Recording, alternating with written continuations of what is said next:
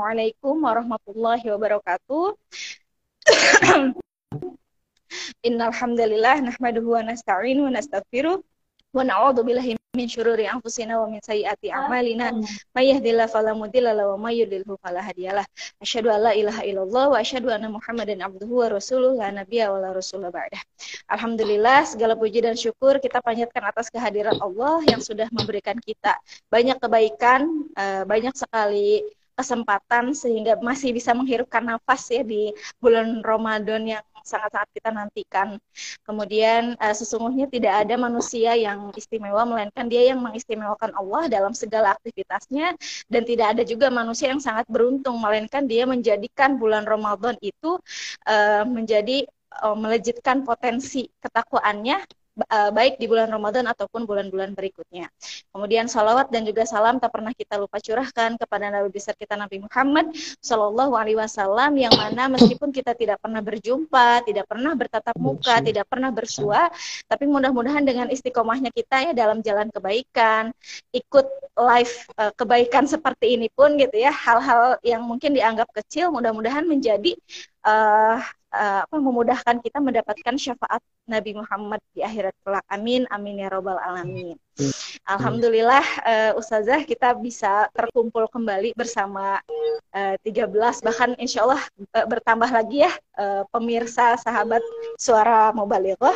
Kita akan membahas tema yang sangat menarik ya Ustazah, di mana kita akan membahas uh, mengenalkan adab di masjid pada anak ya karena hmm. ini jadi dilema banget ya bagi kita bagi ibu-ibu gitu ya saya juga sudah jadi ibu-ibu kebetulan gitu ya, ibu dua anak di mana uh, hal-hal seperti ini tuh jadi uh, banyak kekhawatirannya gitu ya Ustazah di mana kayak aduh kalau bawa anak jadi kepikiran takut mengganggu kehusuan beribadah uh, saudara-saudara kita yang lain gitu ya. Kemudian aduh khawatir nanti lari-lari ke sana kemari gitu ya. Kemudian banyak sekali hal-hal yang dikhawatirkan sehingga uh, menurut saya ini tema yang sangat menarik karena memang banyak uh, pada umumnya dijadikan eh, menjadi dilema para ibu-ibu gitu ya. Mm. Begitu ya Ustazah kurang lebih untuk uh, pada realitanya gitu. Mau yang anak satu, mau yang anak dua, anak tiga gitu ya, semuanya memiliki uh, kekhawatiran dan dilema yang sama. Maka uh, mari uh, kita bersama Ustazah Faizah uh, membahas ini gitu ya. Mungkin untuk permulaan kita uh, sedikit maaf ini ya apa namanya bertanya kebolehannya dulu nih Ustazah. Sebenarnya Islam itu tuh memandang uh, bolehkah gitu ya anak itu mm -mm. dilibatkan dalam aktivitas masjid gitu. Ya. Mungkin nah, ya. saya izin menyapa terus. menyapa dulu ya. ya, ya Mbak Gina, Mbak Gina ya. Panggilannya Mbak Gina, Mbak Gina? Ya. Mbak Gina sama aja. Mbak Gina. Kaya ya artinya ya. Baik, bismillahirrahmanirrahim. Ya, Assalamualaikum warahmatullahi wabarakatuh. Waalaikumsalam. Hamidanilah Musalian ala rasulillah la haula wa la quwata illa billah Rabbi surahli sadri wa yassirli amri wa halul uqdatam min lisani yafqahu qawli. Amma ba'd. Alhamdulillah rabbil alamin. Ahwati, sahabat, seorang baliwa sekalian. Pada malam hari ini kita bisa lanjut lagi dalam majelis ilmu kita Salam Ramadan ya. Sangat istimewa karena ada banyak sekali sakofa, ada banyak sekali pencerahan yang bisa kita dapatkan dari majelis kita. Uh, hari ini kita akan membahas tentang salah satu kegalauan eh, yang sering memang nggak hanya melanda emak-emak sebenarnya. Kalau kita lihat eh, sikon yang ada di tengah-tengah masyarakat, itu mungkin ibaratnya terbelah jadi dua kubu gitu ya. Kalau mau dibikin sederhananya gitu ya. Yeah.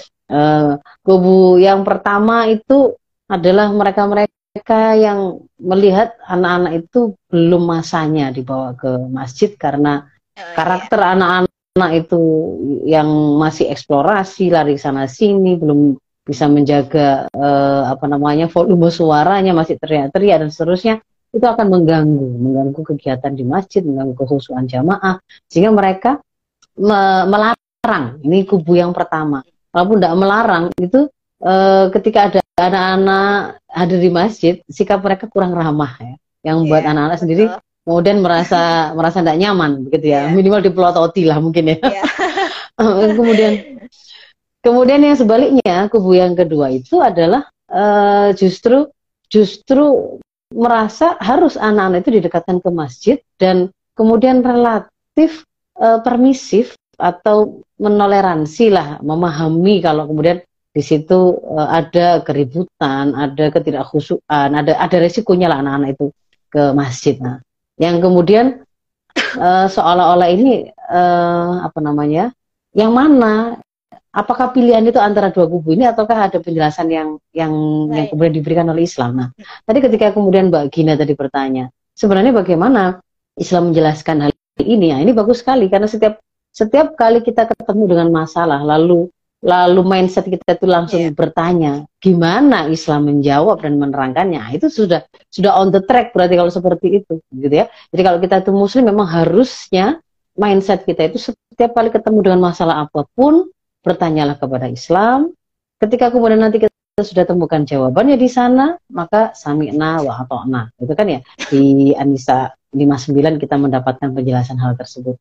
Nah terkait dengan bagaimana hukumnya membawa anak ke masjid, ya, mengikuti kegiatan-kegiatan di masjid, bolehkah ataukah tidak? Ini ternyata kita kalau membuka uh, referensi sakofa dan fikih Islam, ternyata Rasul ada sangat banyak memberikan penjelasan ada atau pengalaman begitu ya terkait dengan uh, memberi kesempatan atau tidak anak itu ke masjid bagaimana mereka berinteraksi dengan anak-anak itu di masjid ya. Uh, beberapa dalil di antaranya adalah yang diriwayatkan uh, oleh Abu Daud. Dari di situ uh, Abdullah bin Buraidah berkata, Rasulullah SAW pernah berkhutbah di hadapan kami, lalu Hasan Husain radhiyallahu anhu datang ke masjid, pakai digambarkan di situ ya, pakai gamis kembar warnanya merah sambil jalannya itu sempoyongan. Nah, jalannya sempoyongan, sempoyongan itu maksudnya kenapa? Karena masih masih masih bayi, masih iya. masih apa latihan jalan itu loh, yang masih jatuh-jatuh, iya, masih latihan jalan. Rasul dari atas mimbar itu kemudian turun, menggendong dua cucunya tersebut, membawa naik ke mimbar, lalu beliau bersabda, beliau mengatakan, Maha benar Allah bahwa memang harta dan anak-anak itu adalah fitnah atau ujian. Hmm. Aku melihat dua cucuku ini gitu ya, lihat dia berjalan sempoyongan jatuh-jatuh itu tidak sabar. Lalu eh, apa pengen menjemputnya dan diambilnya. Dan disampaikan diceritakan dalam hadis itu. Lalu Rasulullah setelah mengambil cucunya tadi itu melanjutkan khutbah beliau. Itu hmm. uh, dalil yang pertama. Jadi ada ada ada uh, kisah bahwa uh, uh, Hasan Hussein di dalam masjid mas, masjid dan apa namanya Rasul uh, berinteraksi dengan dua cucunya tersebut. Lalu kalau di riwayat yang lain ada di hadis Bukhari Muslim, sahabat Abu Qatada pernah melihat Rasulullah Shallallahu Alaihi Wasallam menggendong Umamah bintu Al As. Ini adalah putrinya Zainab bintu Rasulullah di pundak beliau. Jadi uh, digendong lah, digendong gitu ya. Ketika beliau sholat, ketika ruku, ini Umamah tadi diletakkan di lantai. Lalu ketika bangun dari sujud diambil lagi digendong lagi itu juga menunjukkan malah Rasulullah sedang sholat ini ya kan malah spesifik yeah. untuk untuk yeah. untuk yeah. afal ini untuk perilaku beliau yang ini ini beliau sedang sholat dan memberikan contoh bagaimana kalau misalkan membawa anak ketika kita sholat. sedang sholat gitu yeah. ya jadi Rasul juga membawa anak kecil ke masjid tapi beliau kita bisa ambil pelajaran dari hadis yang ini beliau tidak melepaskan masih dalam tanggung tanggungan tanggung jawab beliau jadi dalam pengawasan beliau. Beliau pegangi beliau gendong supaya cucu tadi itu tidak kemudian mengganggu jamaah yang lain. Atau yang kemudian yang lain ini juga sangat sering kita dengar kisahnya disampaikan oleh Syadat radhiyallahu anhu mengisahkan di satu salat Isya Rasulullah datang sambil membawa cucu beliau Hasan Hussein. Beliau maju ke uh, tempat imam lalu meletakkan cucunya lalu takbiratul ihram di tengah sholat Rasul ini kok sujudnya lama sekali hmm. begitu ya. Karena penasaran Syadat ini sempat mengangkat kepalanya ternyata Rasul masih sujud gitu. Beliau ternyata itu ya. uh, sang cucu itu ternyata naik kepada Rasul saat beliau sedang sujud. Syadat pun kemudian sujud lagi. Setelah selesai sholat para jamaah akan kemudian bertanya Rasul tadi ada apa kok engkau sujud lama sekali? Kami kami mengira ada kejadian buruk atau mungkin ada wahyu yang sedang yeah. turun. Ternyata Rasul menjawab, Bukan, bukan itu yang terjadi. Tapi tadi cucuku menjadikan punggungku itu sebagai tunggangan dia, mainan dia. Dan aku ndak ndak apa namanya ndak suka memutus kesenangannya sampai kemudian dia menyelesaikannya sampai dia puas. Nah, jadi di sini kita uh, dari beberapa peristiwa yang ada di sini, itu ya, kita juga melihat bahwa orang tua kita dibolehkan untuk membawa anaknya itu ke masjid, namun tetap harus dengan uh, apa namanya tanggung jawab penuh, hmm. harus bertanggung jawab. Dia bertugas untuk kemudian mengkondisikan, memberikan pengertian pada anak dan seterusnya, dan itu dilakukan dengan kelembutan dan kelembutan dan kesabaran. Yang lain lagi itu bisa kita juga uh, cermati dari dari hadis yang lain. Nah ini ini ada unsur emak-emaknya. Jadi Rasulullah dari hadis riwayat Bukhari Muslim, Rasulullah berkata ketika sedang sholat, sebenarnya saya tuh ingin sholat saya itu saya panjangkan gitu ya, bacanya itu dengan surat-surat yang panjang. Tapi ketika kemudian terdengar suara tangisan anak kecil yang dibawa ibunya ke masjid, maka saya pun kemudian menyingkat sholat saya karena saya tahu betapa ibunya itu tidak enak, tidak enak hati dengan tangisan sang anak. Ya. Hadis riwayat Bukhari Muslim. Ini di uh, senada dengan ini Anas juga pernah meriwayatkan Rasulullah pernah sholat lalu beliau mendengar ada tangis bayi di dalam uh, barisan jamaah yang dibawa serta ibunya sholat ke masjid. Maka Rasul kemudian mempersingkat sholatnya dengan hanya membaca surat ringan atau surat pendek. Hadis riwayat Muslim. Nah, ini menunjukkan ternyata itu malah kisahnya ini ibunya berarti yang membawa anaknya gitu kan ya dan anaknya nangis lagi manusiawi sekali ini kan berarti kita ketemu dan Rasul kemudian uh, memberi suatu pelajaran tertentu tentang uh, apa namanya kebijakan dari imam ketika mengetahui situasi untuk meng, untuk mengenali situasi di tengah-tengah makmumnya gitu kan ya Makmum. jadi uh, dia di, dipercepat oleh Rasul nah demikian pula mungkin uh, di di dalil yang lain itu adalah uh, peristiwa atau kejadian di kalangan sahabat yang biasa kita pakai dalil itu untuk apa namanya untuk ini loh dalil untuk mengajarkan tentang puasa bagaimana mm, apa namanya mengajarkan anak berpuasa itu kan ya jadi ada sahabat Nabi bernama Rabi ya pada satu pagi di hari Ashura Rasul mengirim pesan ke kampung-kampung di sekitar kota Madinah yang bunyinya Barang siapa yang sudah memulai puasa dari pagi tadi, silakan selesaikan puasanya. Bagi yang tidak puasa, silakan terus berbuka. Sejak saat itu kami senantiasa terus berpuasa pada hari Ashura. Demikian pula anak-anak kecil kami, gitu ya. Banyak yang ikutan puasa dan dengan kehendak Allah. Dan kami pun pergi ke masjid bersama anak-anak. Di masjid itu kami siapkan ada mainan khusus untuk anak-anak yang terbuat dari wool. Ya? Ah, iya. Kalau ada dari anak-anak itu, gitu. kalau ada dari anak-anak itu yang kemudian karena rasa lapar gitu terus nangis gitu ya minta minta makan nah kami pun beri dia uh, apa namanya mainan tadi untuk mengalihkan hmm. perhatiannya supaya dia teralihkan dari dari dari rasa laparnya. Nah rasa lapar, ini nah jadi ini aja dari beberapa yang sempat saya nukilkan tadi kita bisa melihat bahwa secara hukum boleh begitu membawa anak ke masjid berkegiatan di masjid. Tetapi ada catatannya. Ada catatan karena nanti harus kita gabungkan dengan apa namanya uh, penjelasan Islam terkait dengan uh, masjid itu tempat orang beribadah, ada adab kita terhadap orang yang sholat. Yeah. Orang sholat itu bahkan tidak boleh kita ganggu konsentrasinya dengan bacaan Quran kita yang terlalu keras misalkan. Bacaan yeah. Quran saja kalau kemudian itu mengganggu uh, orang yang sedang sholat kita kita pelankan Nah, hmm. jangan sampai kemudian ini bukan sholat, ini tapi teriak-teriakan anak-anak kecil lari-lari. Tentu saja itu berarti sesuatu yang tidak diperbolehkan kan begitu. Yeah. Apalagi kemudian tangisannya sampai membuat jamaah tidak bisa mendengar imamnya dan seterusnya. Itu sesuatu yang juga kemudian berarti harus kita pertimbangkan gitu ya. Itu kalau dari sisi yeah. Iya. uh, boleh apa tidaknya gitu Mbak yeah. Gina. Oke, jadi uh, seperti itu ya uh, sahabat yeah. suara mubalighah terjawablah gitu ya pertanyaan uh, bolehkah gitu ya, boleh tidaknya uh, membawa anak ke masjid gitu ya melakukan aktivitas-aktivitas rutinitas yang ada di masjid jelas sekali tadi banyak dalil-dalil hadis yang dijelaskan oleh Ustazah nah uh, kemudian yang menjadi uh, menarik selanjutnya ya Ustazah di mana kalau tadi kita sudah diperbolehkan gitu ya nah maka uh, sepertinya tadi uh, sempat Ustazah singgung pun gitu ya uh, terkait tentang adab sepertinya ada yang harus lebih kita perhatikan nah apa saja itu Ustazah yang uh, setidaknya red flag red flag gitu ya atau uh, hmm. mungkin batasan atau hal-hal yang harus kita perhatikan lebih rinci gitu ya untuk uh, hmm. mempertimbangkan membawa anak ke masjid itu. Ya, uh, sebelum kita apa namanya memperhatikan apa saja yang perlu kita perhatikan dari anak-anak kita gitu ya. Mm-mm. Ketika kita membawa mereka ke masjid, saya ingin me- menyisipkan penjelasan tentang urgensi atau perlunya kita mendekatkan anak anak-anak kita ke masjid memang ya. Jadi bahwa uh, kita paham masjid itu kalau di dalam peradaban Islam dia itu sebenarnya pusat dari peradaban itu. Pusat dari kegiatan di tengah-tengah masyarakat. Rasul menjadikan masjid itu ya tempat kemudian mengajarkan syariah, mengajarkan ibadah, uh, bahkan kemudian uh, apa namanya melakukan musyawarah untuk menyelesaikan persoalan masyarakat, bahkan me, me, membicarakan strategi perang itu juga juga di di masjid begitu ya.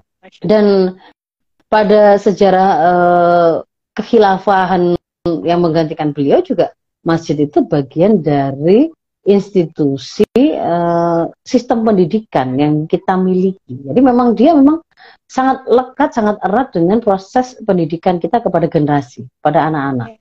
Nah, sementara kemudian kalau kita bicara uh, mendekatkan anak ke masjid, itu sesuatu yang memang harus kita lakukan karena dia bagian dari proses pendidikan yang hendak kita realisir pada anak-anak kita. Termasuk juga di situ adalah proses pembiasaan. Kita paham bahwa uh, Rasul memerintahkan anak-anak kita untuk sholat itu ketika umur tujuh tahun, kan gitu kan ya? Muru auladakum bis sholah wahum abna sab'an sinin, kan gitu kan ya? Perintahkan anak-anak kalian itu untuk sholat pada waktu mereka umurnya tujuh tahun. Dan ketika sudah di, diajarkan uh, syariah tentang sholat ini sebagaimana adanya, sebagaimana seharusnya, nah, termasuk di dalamnya kan uh, mengerti bahwa sholat itu yang utama itu adalah berjamaah. Bagi laki-laki itu justru keutamaan adalah justru ke masjid. Dan itu juga uh, dan uh, bagi mereka uh, mereka datang ke masjid menyaksikan bagaimana jamaah jamaah kaum muslimin di sana. Bagi para para anak-anak laki-laki kita itu juga mereka sedang belajar untuk melaksanakan tanggung jawab menjadi pemimpin imam di situ kan gitu kan ya? Yeah. dan setelah diajarkan tujuh tahun mulai dari tujuh tahun nanti ketika sudah berjalan tiga tahun hingga umur sepuluh mereka ternyata mestinya ya dengan pembiasan yang kita lakukan itu mereka sudah sudah mandiri melakukan sholat wajib tadi tanpa kemudian disuruh dan mereka sudah tahu bagaimana uh, yang seharusnya mereka lakukan dan berbagai keutamaannya. Kalau mereka tidak melakukan itu, nah, bahkan dibolehkan untuk diberikan sanksi untuk takdib ya, untuk pendidikan gitu kan ya dibolehkan wadribu ma'alaiha wa abna asyir sinin kan gitu kalau masih gak sholat juga pada waktu umur 10 itu mereka dibolehkan untuk kemudian dilakukan takdib dipukul ya dengan ada beberapa catatan-catatan. Nah, tadi di sini ini berarti penting ini. Sholat itu penting gitu kan. Sholat yeah. itu iya. penting mengajarkan anak mengerti sholat uh, mendekat ke masjid itu sangat penting.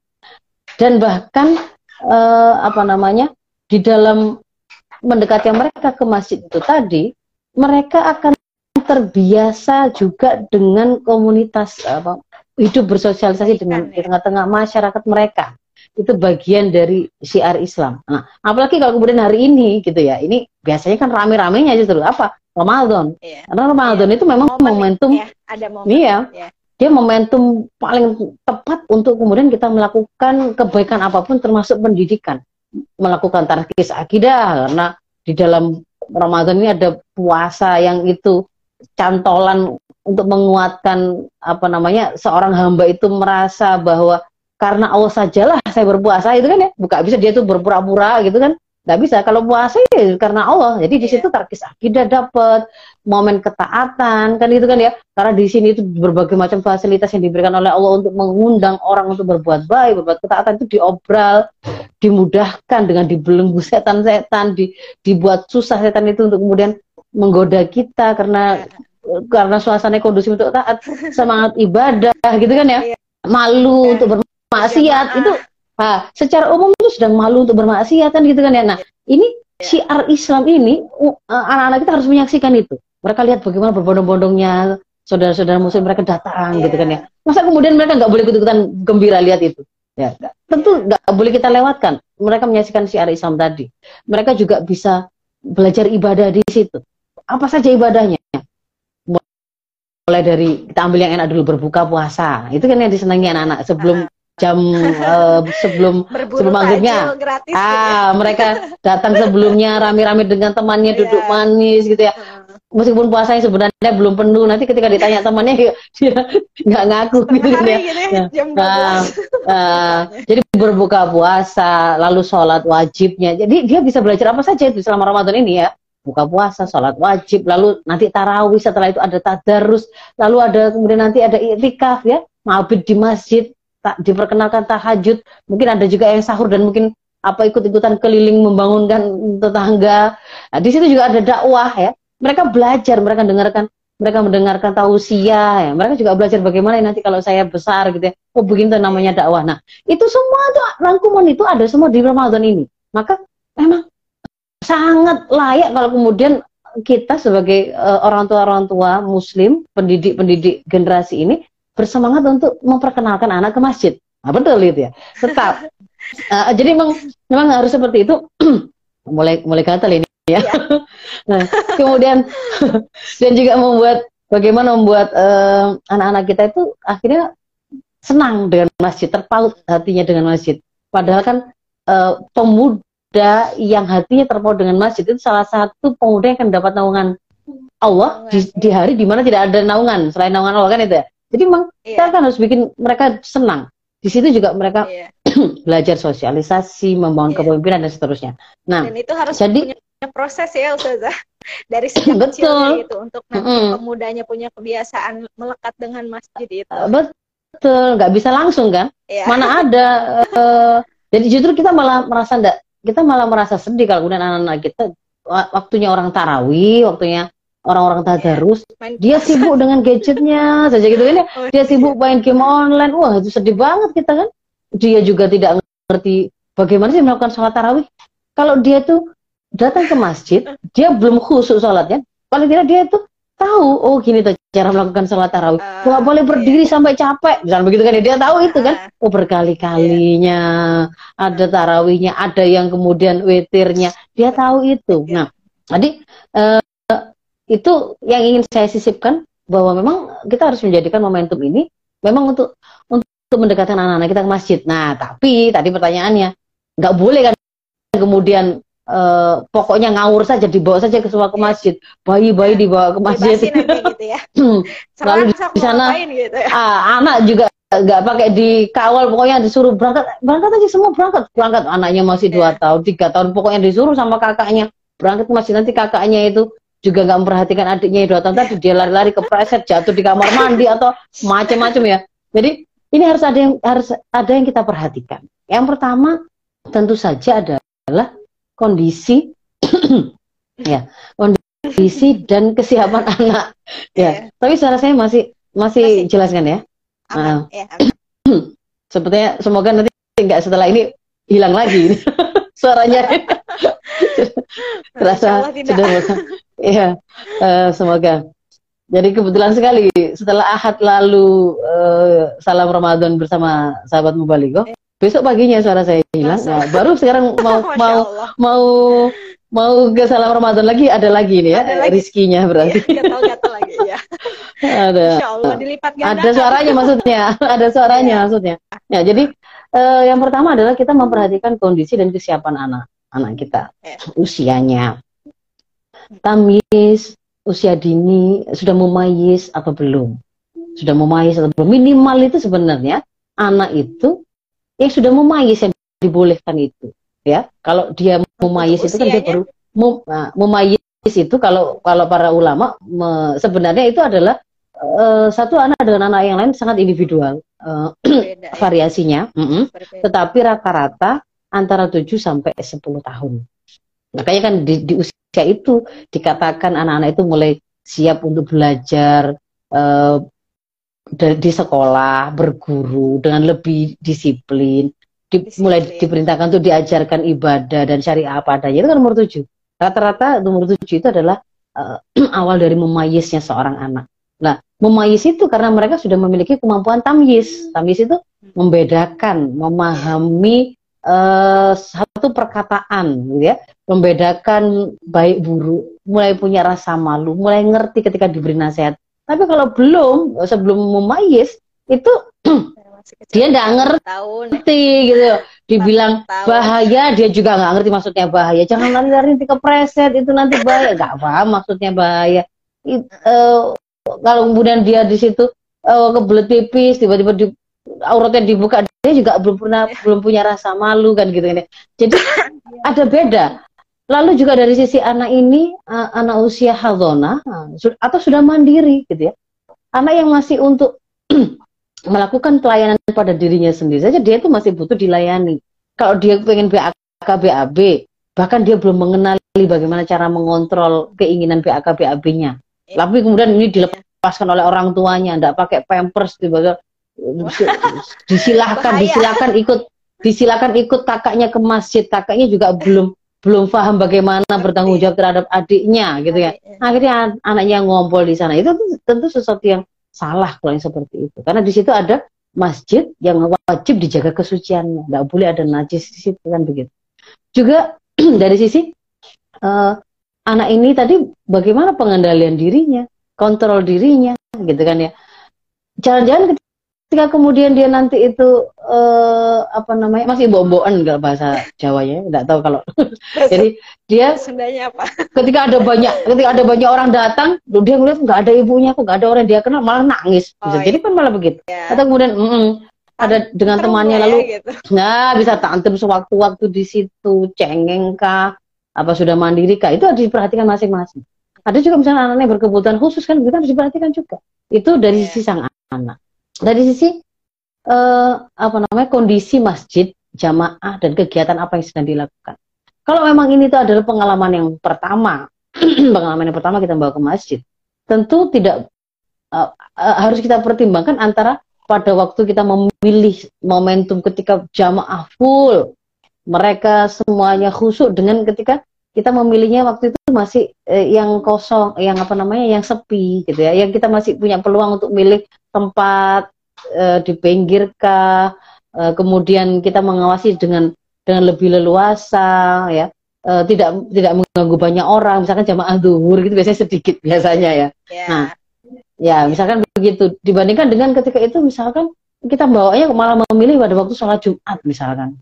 Ya tentu itu harus dipertimbangkan juga gitu ya lalu bagaimana kondisi jamaah juga? Ketika kita tahu bahwa tetangga kita itu masih belum ada uh, apa namanya kesamaan visi persepsi dengan kita tentang bagaimana uh, membawa anak ke ke masjid itu juga uh, jangan kemudian hanya isi pikiran kita saja yang kemudian kita pertimbangkan gitu loh ya. Kita juga harus punya empati dengan mereka-mereka yang merasa terganggu atau tidak nyaman.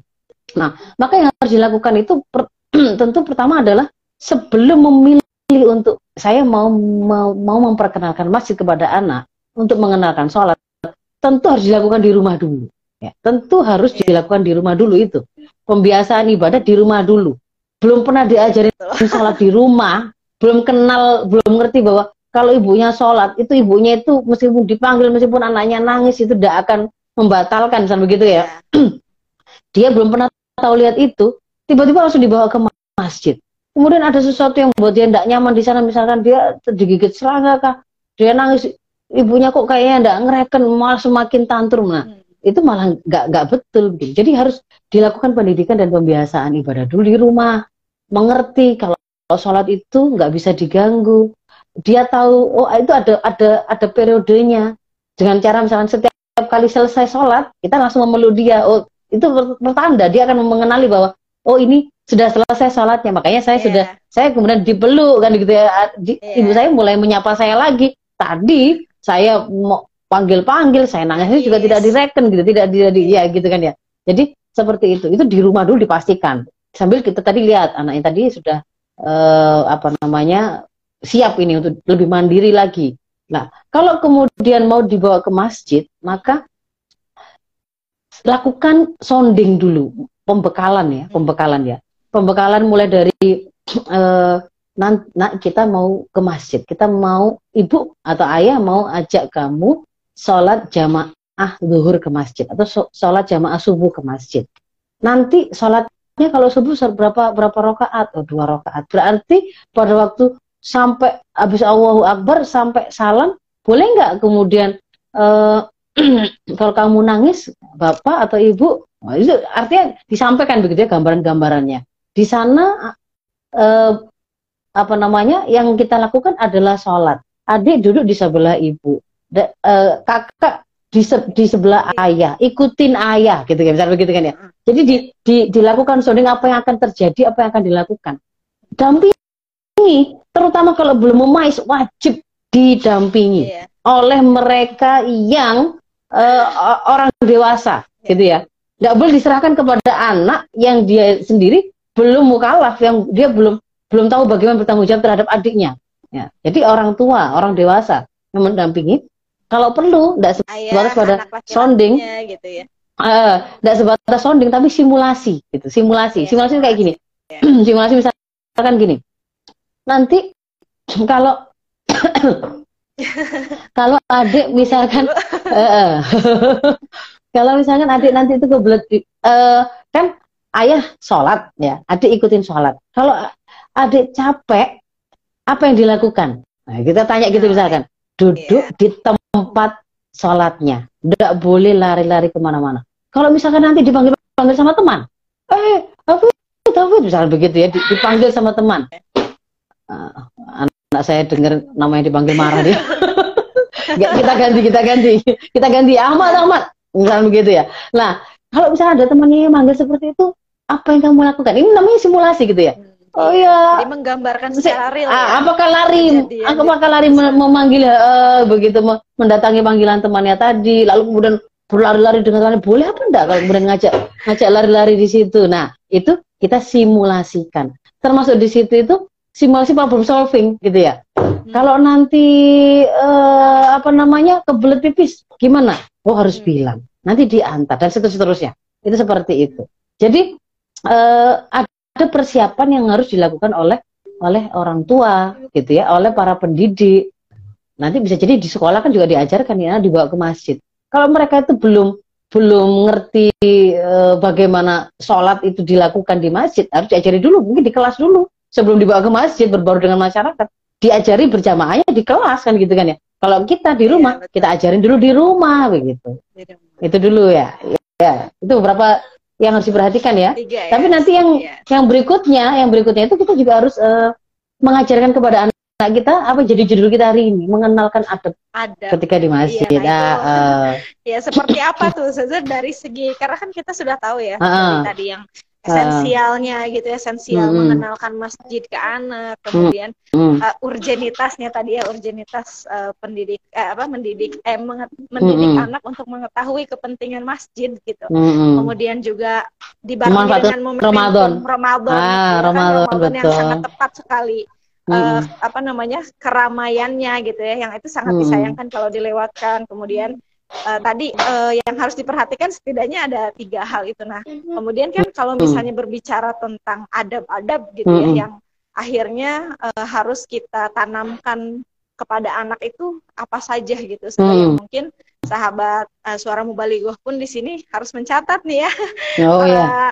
uh, pemirsa gitu ya di mana hmm. dari awal tadi pun harus dicatat sebetulnya tapi mungkin dari segi ini bisa lebih dirincikan terhadap adab-adab yang memang yeah. harus ditanamkan gitu.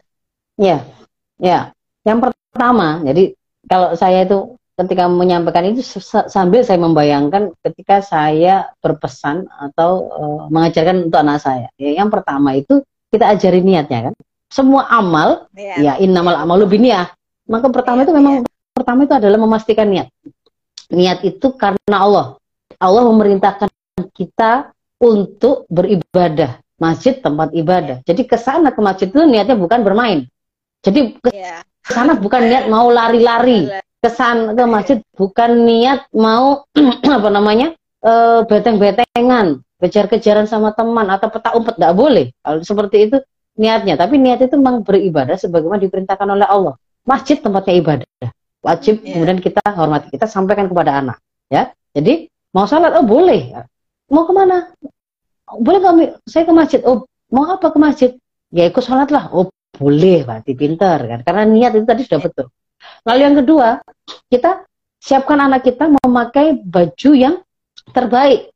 Karena memang tuntunannya itu seperti itu begitu. Iya, Diperintahkan uh, ketika kita itu memasuki masjid itu pakailah pakaianmu yang paling indah. Ketika menghadap Allah, ketika sholat itu pakailah pakaianmu yang terbaik.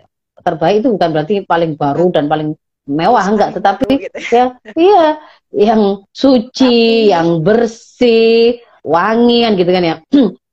Wajib bajunya itu suci, bersih, menutup aurat. Nah, kita pastikan ya bedakan lah, ajarkan anak untuk membedakan ketika mau berangkat ke masjid, bajunya itu tidak sama dengan ketika dia mau tidur atau main. ketika dia itu mau ya. main, kan begitu. Ya. Suruh ganti gitu, suruh ganti ketika kemudian loh kalau ke masjid bajunya jangan begitu, uh, jangan begitu gitu ya. Itu yang kedua ya. Jadi berpakaian yang indah dan juga uh, suci, bersih dan menutup aurat. Lalu yang ketiga, tadi yang sempat di Mbak Gina sampaikan, bau-bau tadi itu. Ya. Nah, kita pastikan nah, supaya kita kita wajib menjaga pakaian, badan dan juga mulut ya. kita dari bau yang mengganggu bisa mengganggu jamaah. Apakah itu karena keringet? Kalau kelihatan sekali anak tadi habis lari-lari gitu ya.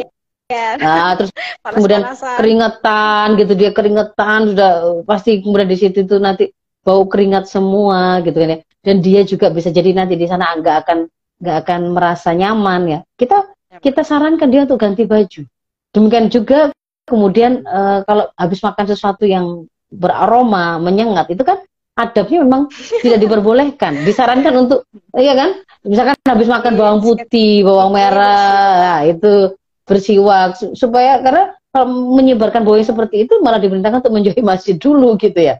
Nah kemudian yang berikutnya uh, kapan berangkat ke masjidnya itu tadi itu semangatnya itu bersegera. Jadi misalkan ada uh, azan gitu kayak atau menjelang azan ada ada ada kayak pujian atau ada tanda misalkan kalau subuh itu tahrim berarti kan mulai pertanda ini mau azan. Sudah bersiap bersegera semangatnya bersegera itu harus dapat gitu ya bukan bermalas-malasan. Lalu yang berikutnya berangkatnya tadi itu sudah dengan wudhu ya sudah dengan wudhu selalu kalau kalau saya misalkan langsung uh, langsung perintahkan wudhu uh, pipis wudhu nah gitu ya. Harus pipis kalian biar nggak di sana nanti nggak bolak balik ke kamar mandi gitu ya.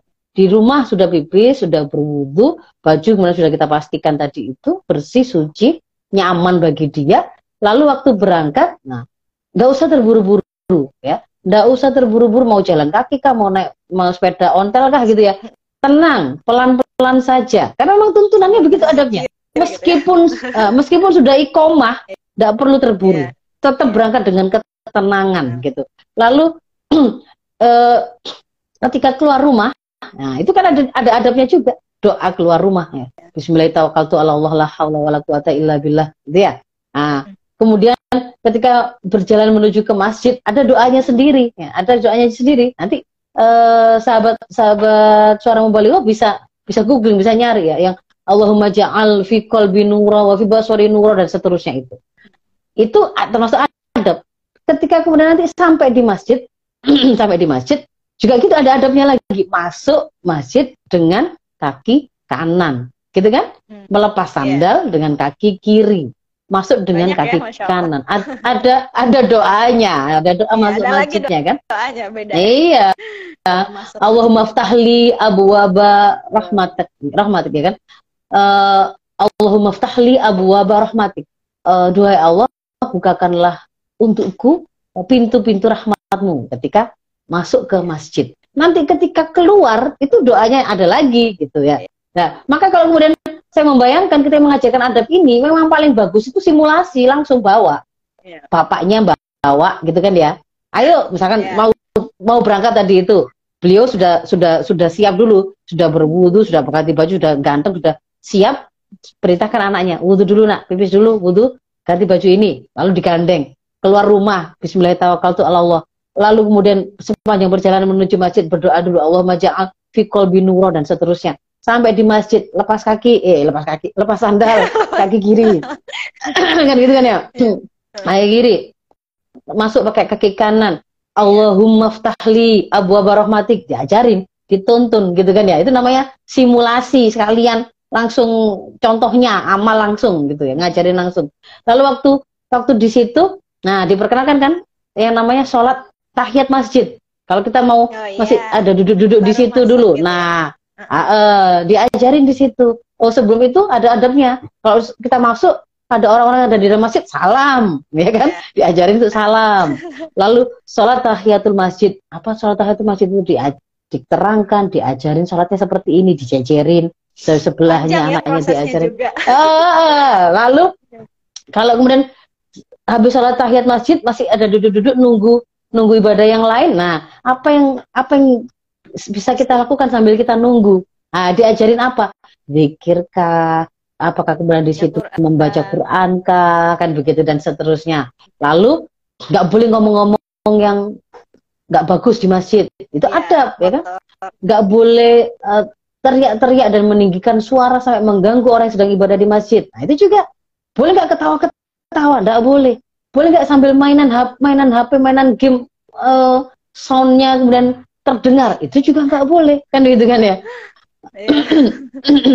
lalu ketika kemudian mulai berdiri untuk sholat nah diajarkan kan?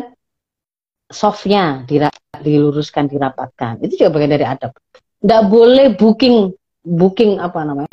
Tempat itu terus di di dipageri untuk dia dan iya, iya. dan nggak boleh yang apa lain dan gitu ya. Ya nggak boleh yang lain. Ini tempat saya iya, sendiri gitu di tag gitu ya di tag gitu ah di tag atau di book ya di book ah, ah, gitu ya ah, nggak ada yang nempatin. Iya seperti itu. Nah terus nggak boleh mengotori masjid gitu kan? Kalau bawa minum kayaknya insya Allah aman, nggak akan ada tercecer, berarti boleh.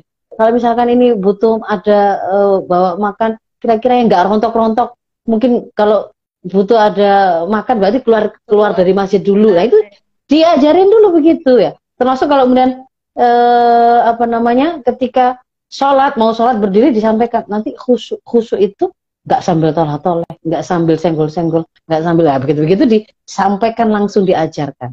Jadi setelah itu kemudian pulang keluar keluar dari masjid uh, pakai sandal kaki kanan baca doa Allahumma ini as'aluka min fadlik. Nah, itu diajarkan. Nah, itu adab juga. Sampai kemudian eh, anak-anak uh, itu ngerti mungkin uh, salam kepada orang yang lebih lebih tua, kepada orang yang alim dan seterusnya. Nah, itu dulu mungkin gambaran sedikit. Ini ada ada sahabat yang ya. Ayo pada catat ya. Panjang ya. Masya Allah. Iya, Masya Allah ternyata memang prosesnya itu se uh, panjang itu ya untuk mengenalkan adab dan nggak bisa langsung sekaligus gitu ya. Perlu proses-proses iya. yang dijalani dulu gitu. Iya betul. Nah, uh, Masya Allah Ustazah ini sudah ada yang bertanya apa boleh kita langsung buka boleh. pertanyaannya? Uh, ya, dari uh, Mama Baim Assalamualaikum Ustazah mau tanya. Putra saya itu tipe anak yang gampang bosan dan kurang bisa uh, kurang bisa bubar fokusnya Kay gitu ya. Jadi kayaknya mudah bubar nih gitu. Ya. Iya. Iya, oke. Okay. Kurang bisa fokus, sholat, mudah Iya. mudah bubar gitu ya fokusnya hmm. itu mudah buyar. Nah, kalau diajak sholat ke masjid satu sampai dua rakaat mungkin masih mengikuti dengan uh, baik gitu ya. Kemudian hmm. dia selalu uh, apa ya? Lari-lari mungkin. Setelah itu mungkin lari-lari. Mungkin ya. ya, ya segitulah kira-kira. Ya, jadi ya. jadi bagaimana gitu ya solusinya uh, ketika menghadapi anak yang demikian gitu Saza. Ya, ini tadi sayang sekali tidak disampaikan sudah usia uh, usia anak Ananda berapa, berapa ya? gitu ya. Iya. Uh -huh. Tapi kalau memang kemudian uh, dalam dalam penilaian ibu anak anak ibu itu belum bisa uh, apa namanya belum bisa Terus. belum bisa di belum bisa diajak untuk kooperatif ya. Uh, menjaga kondisivitas uh, ibadah di masjid. Sebaiknya tidak dibawa ke masjid dulu tapi jangan dibawa pada waktu masjid sedang rame-ramenya, banyak jamaah, khusus lebih susah ibu mengatur dan me me melakukan pengajaran kepada anak, justru selesaikan dan bekali dia dengan proses uh, proses untuk membuat dia bertahan bisa beribadah dengan khusus di rumah plus kalau maupun mau mengenalkan ke masjid ambillah momentum yang itu bisa bisa bisa secara full kita itu me, ini apa namanya mendampinginya gitu ya dan lebih mudah. Jadi uh, itu tadi misalkan memilih pertama mengenalkan bukan yang sholat tetapi uh, acara pengajian misalkan ya dibawa ke masjid kan juga bagaimana dia kita ajarin untuk duduk di dalam majelis ilmu dengan tenang, dengan tenang, tidak kemudian berlari-lari menjaga adab ilmu majelis ilmu. Itu kan juga bagian dari uh, kita mau menilai seberapa kesiapan anak kita tadi kan begitu. Jadi uh, ini tuh apa namanya ukuran kesiapan anak itu tidak pakai ukuran umur gitu ya. Hmm. Karena ada kekhasan satu anak dengan anak yang lain yang kita yeah. kita uh, harus harus perhatikan. Makanya tadi kan saya katakan di antara yang kita harus perhatikan adalah faktor anak. Yeah. Dia sudah memayis ataukah belum? Dia masih haduna ataukah sudah mandiri? Dia anak yang ibaratnya cengeng ataukah kemudian uh, lebih memiliki kontrol diri yang bagus, masih suka tantrum tiba-tiba yang kemudian agak susah untuk kemudian dikendalikan atau bagaimana? Nah, itu harus diperhatikan betul begitu. Mestinya yang kita bawa ke masjid itu ya justru memang anak-anak yang ghalabadudzonnya gitu ya itu sudah siap untuk menjaga kondisivitas ibadah di masjid dan dia bersama teman-teman itu bisa belajar lebih banyak dari dia hadir di masjid. Nah proses penyiapannya itu itu tadi seperti yang saya ceritakan itu di rumah dulu kak. Kalau itu yeah. pendidikan di rumah. Kalau ini ke sekolah itu biasanya anak kelas 1, 2 atau TK mungkin dia diajarin sholatnya yeah. berjamaah tapi yeah. di iya. kelas nggak disatukan yeah. kan di masjid meskipun ada masjid yeah. di iya. situ. Wong dia baca sholatnya saja masih harus kita keraskan karena dia masih kita ajari cara membacanya gitu kan ya lah kalau kemudian dia nanti waktu sholat terus kemudian bacaannya keras gitu gimana kayak kayak kayak anak saya misalkan dia tuh imam. dia ngotot pengen jadi imam sholat uh, bagi saya gitu ya saya sampaikan kalau jadi yang boleh jadi imam bagi Umi adalah yang sudah dewasa, sudah mukalaf. Berarti sholatnya ini sebenarnya bukan jadi imam tapi jadi apa namanya barengan saja. Nah, barengan. Nah, ketika kemudian dia jadi imam itu kan, ya, itu. iya betul, sa, sa rokok-rokoknya, sa sujud-sujudnya itu kan dikeraskan. Sebenarnya kan juga itu mengganggu uh, konsentrasi juga sebenarnya begitu. Apalagi yeah. kalau bacaannya berbeda ini. saya bacaannya ala ala NU yang anak saya bacaannya ala Muhammadiyah. berbeda gitu begitu. ya, gitu ya. Bisa tergambar ya. uh, sebetulnya Gina juga pengen sharing pengalaman ya Ustaz. Yeah. Di mana kan anak Gina itu uh, usia sekarang yang pertama empat tahun ya. Memang hmm. betul sih Ustazah. Di mana tadi ya penekanannya itu faktor kesiapan anak dan itu sudah dilatih belum dari rumah gitu karena kan iya kan, betul alhamdulillah anaknya ini kan e, memang sering diajak gitu sholat jadi dia dalam sholat yang empat rakaat, sholat yang berapa rakaat itu masih bisa fokus dari awal rakaat sampai akhir sampai selesai gitu. Begitupun di sekolahnya diteruskan dilatih TK hmm. kan masuk TK. Hmm. Nah itu masya Allah ternyata ketika dibawa ke masjid ternyata sudah uh, bisa kondusif gitu untuk uh, ikut berjamaah. Cuman memang uh, ada beberapa yang kayak cari posisi yang pinggir ya gitu. Kalau diajak hmm. sama bapaknya karena laki-laki ya. Kalau hmm. diajak sama bapaknya cari uh, itu kan memang uh, suatu upaya ya Ustazah untuk kita uh, melihat anak kita. Kemudian yeah. ya tadi yang uh, banyak tadi kita uh, bahas ya sama Ustazah disampaikan juga Masya Allah. Jadi memang seperti itu ya uh, sahabat suara mubalighah. Ini sudah partisipannya semakin banyak Ustazah. Ada yang mau bertanya lagi nggak? Mangga silahkan. Kalau masih uh, ada yang masih ingin ditanyakan atau masih uh, merasa uh, apa uh, bingung gitu ya dengan langkah apa yang harus ditreatmentkan kepada anak dan anaknya. Karena memang yeah. begitu ya Ustazah, setiap anak punya uh, karakter yang berbeda tadi itu ya. Hmm. Satu anak yeah. dengan anak yang lainnya kayak nggak bisa dipukul rata. Iya yeah, betul. Misalnya saya ambil contoh, uh, anak saya yang pertama itu itu tipenya itu yang nggak bisa diam. Saya tahu ketika diajak ke tempat-tempat umum itu pasti dieksplorasi semua ruangan. Maka biasanya kalau kemudian anak tipe yang begini kan dia, mudah hilang kalau itu di tengah di tengah keramaian. Maka kita karena kita karena kita mengenali oh yang anak ini adalah anak yang dia mudah hilang karena nanti dia itu mungkin lepas ke mana-mana itu pasti kan uh, pertama itu kita pastikan dulu di dia itu seandainya nanti itu tersesat gitu ya. apa namanya terlepas dari kita ketika ditanya oleh orang identitas siapa itu sudah kita latih. Namamu siapa nama yeah, orang tuamu yeah. siapa? Rumahmu di mana? Nomor ingat nggak nomor teleponnya? Ah, begitu begitu itu. Begitu masuk ke keramaian juga misalkan itu masuk ke masjid masuk ke mall. Kita ke mall juga kita tahu ini ini ini kalau kamu hilang kamu datang ke sini ini untuk minta diumumkan misalnya kayak begitu. Iya. kalau di masjid itu tempat wudhu itu kamar mandi. Jangan main-main di sana nanti licin lah. Begitu begitu. Jadi kita yang yeah, tahu kan? Nah yang seperti ini itu uh, itu harus menjadi sebuah apa namanya tanggung jawab penuh dari orang tua. Ketika anak itu masih belum kita bisa lepaskan. Jadi pendampingan itu wajib. Tidak boleh dilepaskan. Dilepaskan apalagi sama enggak pernah sama teman-temannya.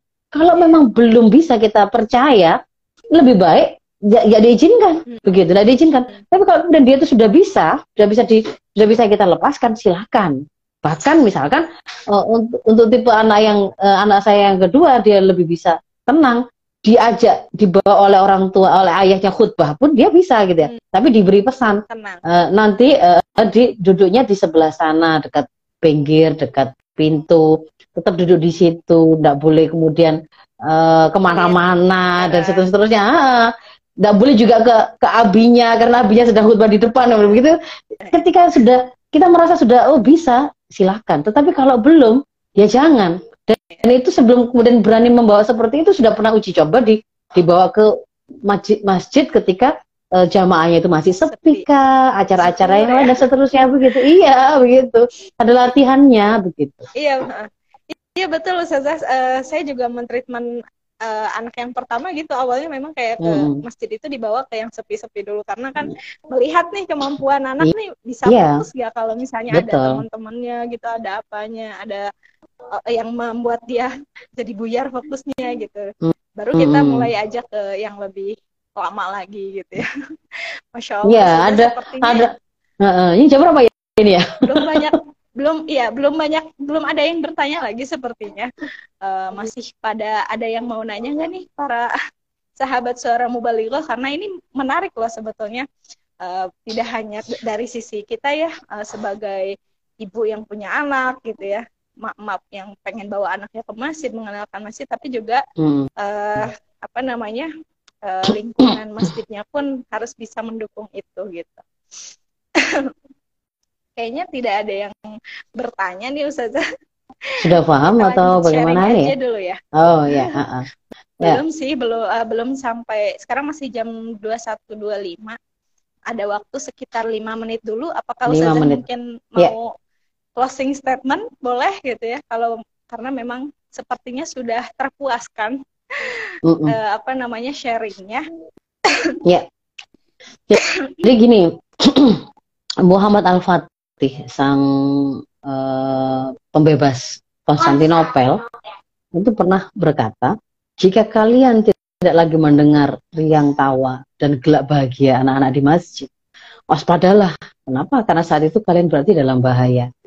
Ini memang uh, satu kalimat yang yang apa namanya menunjukkan kepada kita memberi pelajaran kepada kita tentang keperluannya untuk mendekatkan generasi muda kita, para penerus kepemimpinan kita ya, uh, estafet para pemelihara urusan masyarakat ini yang akan membela agama ini, yang akan memperjuangkan agama ini, yaitu anak-anak kita itu untuk kemudian mereka terikat kepada Islam. Nah, masjid itu adalah di antara syiar Islam. Ya, tempat kita itu membangun, menempa kepribadiannya, termasuk juga kepemimpinannya. Dia real di tengah-tengah ada, ada di tengah-tengah masyarakat. Maka masjid ini memang harus kita fungsikan sebagaimana seharusnya, sebagaimana yang sudah pernah diterapkan juga dalam peradaban Islam yang sedemikian panjangnya. Dia itu pusat kegiatan umat, pusat pendidikan, pusat dakwah, melakukan uh, mu'alajah muskilah atau problem solving terhadap perusahaan-perusahaan masyarakat. Mereka melakukan musyawarah, mereka melakukan perbincangan-perbincangan penting itu di sana begitu ya.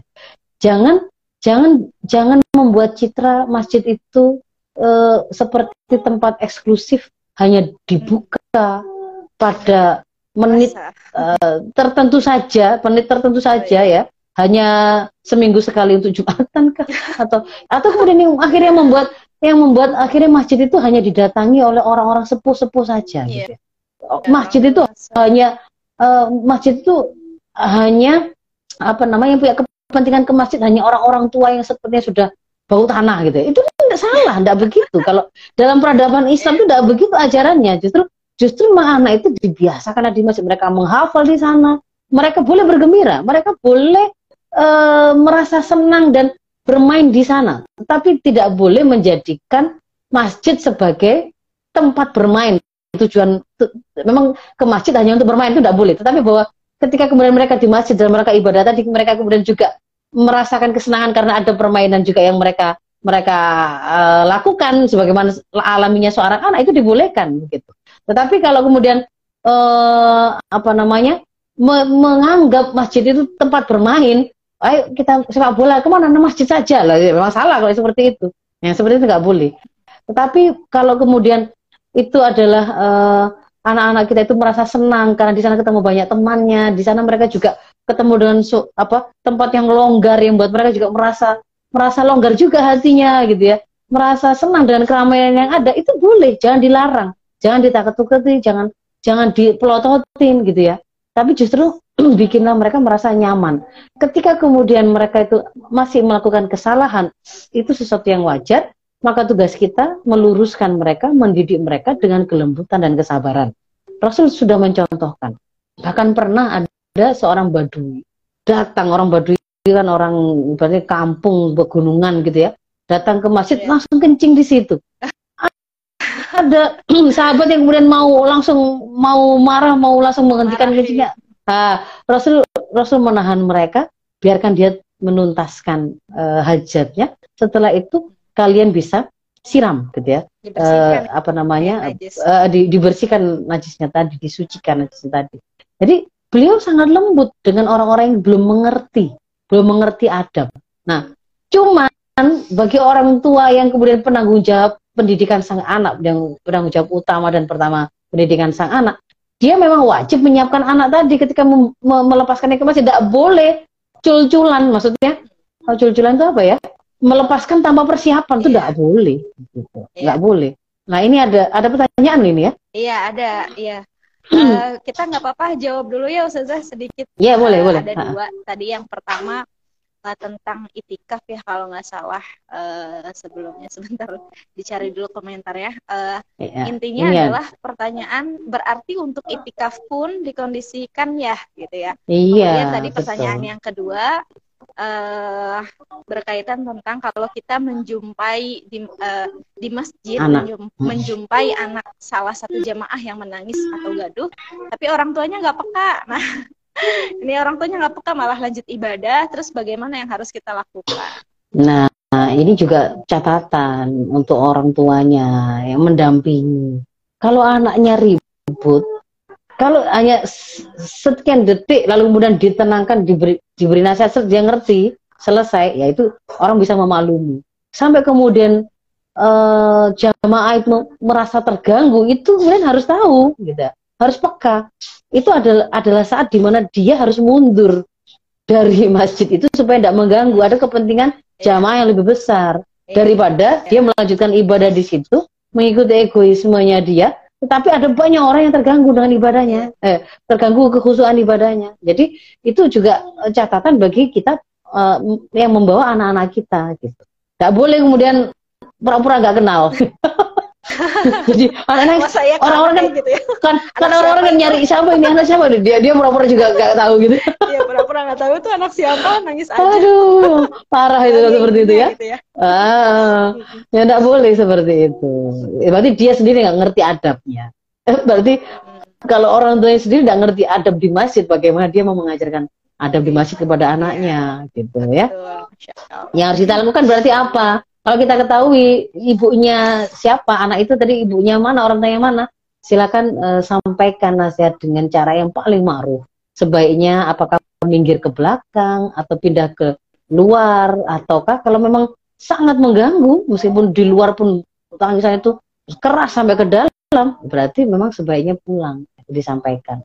Nah, yang seperti ini juga bisa bisa uh, kemudian kita apa namanya kita bekalkan secara umum di lingkungan kita ketika kita ada di forum kayak misalnya majelis taklim kampung, majelis taklim. ya, ya majelis taklim kampung itu bolehlah topik seperti ini diangkat lalu itu menjadi pembekalan kan untuk orang-orang yang lain. Jadi kita langsung dapat banyak. Tapi kalau pada waktu hari H tadi itu ya kejadian tadi, ya berarti kepada yang bersangkutan saja. Sebaiknya yang mungkin memberikan nasihat itu adalah orang yang dianggap memiliki kewenangan untuk menjaga ketertiban ya. uh, uh, di di masjid itu gitu. Apakah itu ya DKM-nya, ya takmirnya begitu. Atau orang yang dituakan karena dianggap alim karena dianggap misalkan perangkat desa, RT-nya, RW-nya boleh gitu ya. Ya, ya. Itikaf juga kan ya biasanya 10 hari terakhir ya Ustazah di 10, 10 hari terakhir Ramadan tuh. Banyak iya. kayaknya harus kita persiapkan kalau memang mempertimbangkan membawa anak itu tadi ya Ustazah yang mm -hmm. sudah kita bahas. Betul. Dan persiapannya masing-masing juga beda ya. loh ya. Persiapannya nggak boleh oh, iya. disamakan. Jadi oh, iya. yang saya sampaikan itu adalah rambu-rambu yang saya berusaha untuk sampaikan secara umum supaya ibu-ibu eh, sahabat suara mubaligo bisa uh, kemudian memodifikasinya sesuai dengan uh, kekhasan kekhasan masing-masing dari kondisi kita, anak kita, kita sendiri dan seterusnya begitu. Secara ya, umumnya betul. adalah itu tadi rambu-rambunya. Begitu hmm, ya. Iya. Ya, jadi seperti itu ya uh, sahabat suara mubalighah, Masya Allah ilmunya yang sangat luas dan bisa kita terapkan dan kita sesuaikan ya karena ini sesuatu yang masih global dan masih kita bisa sesuaikan dengan kondisi kita masing-masing di keluarganya, kondisi anaknya dan lain sebagainya. Uh, ini di Purwakarta sudah jam 21.34 sih Ustazah. Kalau di sana udah jam ya, berapa? Sama, beda lebih. Ya? Oh, sama, sama ya? 21.34 ya. Sama. Saya di Surabaya, saya di Surabaya. Masya Allah. lumayan ya ujung ke ujung uh, tapi masya Allah uh, sahabat suara mubalighah alhamdulillah kita bisa uh, berbagi ilmu bersama Ustazah Faizah Rashidah di mana mudah-mudahan pertemuan ini tidak hanya sekarang ya live live berikutnya di Suara Mubalighah terus disaksikan oleh uh, para sahabat Suara Mubalighah dan terima kasih banyak Ustazah Faizah sudah bergabung bersama uh, Suara Mubaligo. Sudah wah masya Allah luar biasa. Banyak sekali live live beliau yang uh, sangat bermanfaat ya di sini. Mudah-mudahan Allah uh, balas semua kebaikan dan juga Allah limpahkan keberkahan uh, kepada Ustazah Amin. Amin Amin. Uh, mungkin itu ya uh, apa dari uh, kita gitu ya uh, kalau Ustazah mau live duluan tidak apa-apa kalau um, punya agenda lain karena ini sudah malam juga ya. Yeah. Atau saya langsung puas gitu ya karena uh, pasti setelah tarawih uh, ingin langsung beristirahat mungkin kan. Kita akhiri saja perjumpaan kita pada malam hari ini. Uh, kita baca istighfar tiga kali. Astagfirullahaladzim, astagfirullahaladzim, dan doa kifaratul majelis. Subhanaka Allahumma uh, Sekian yang bisa kami sampaikan. Mohon maaf apabila banyak kekurangan, banyak salah kata, banyak uh, ketidaksempurnaan. Uh, wabillahi taufiq wal hidayah. Wassalamualaikum warahmatullahi wabarakatuh.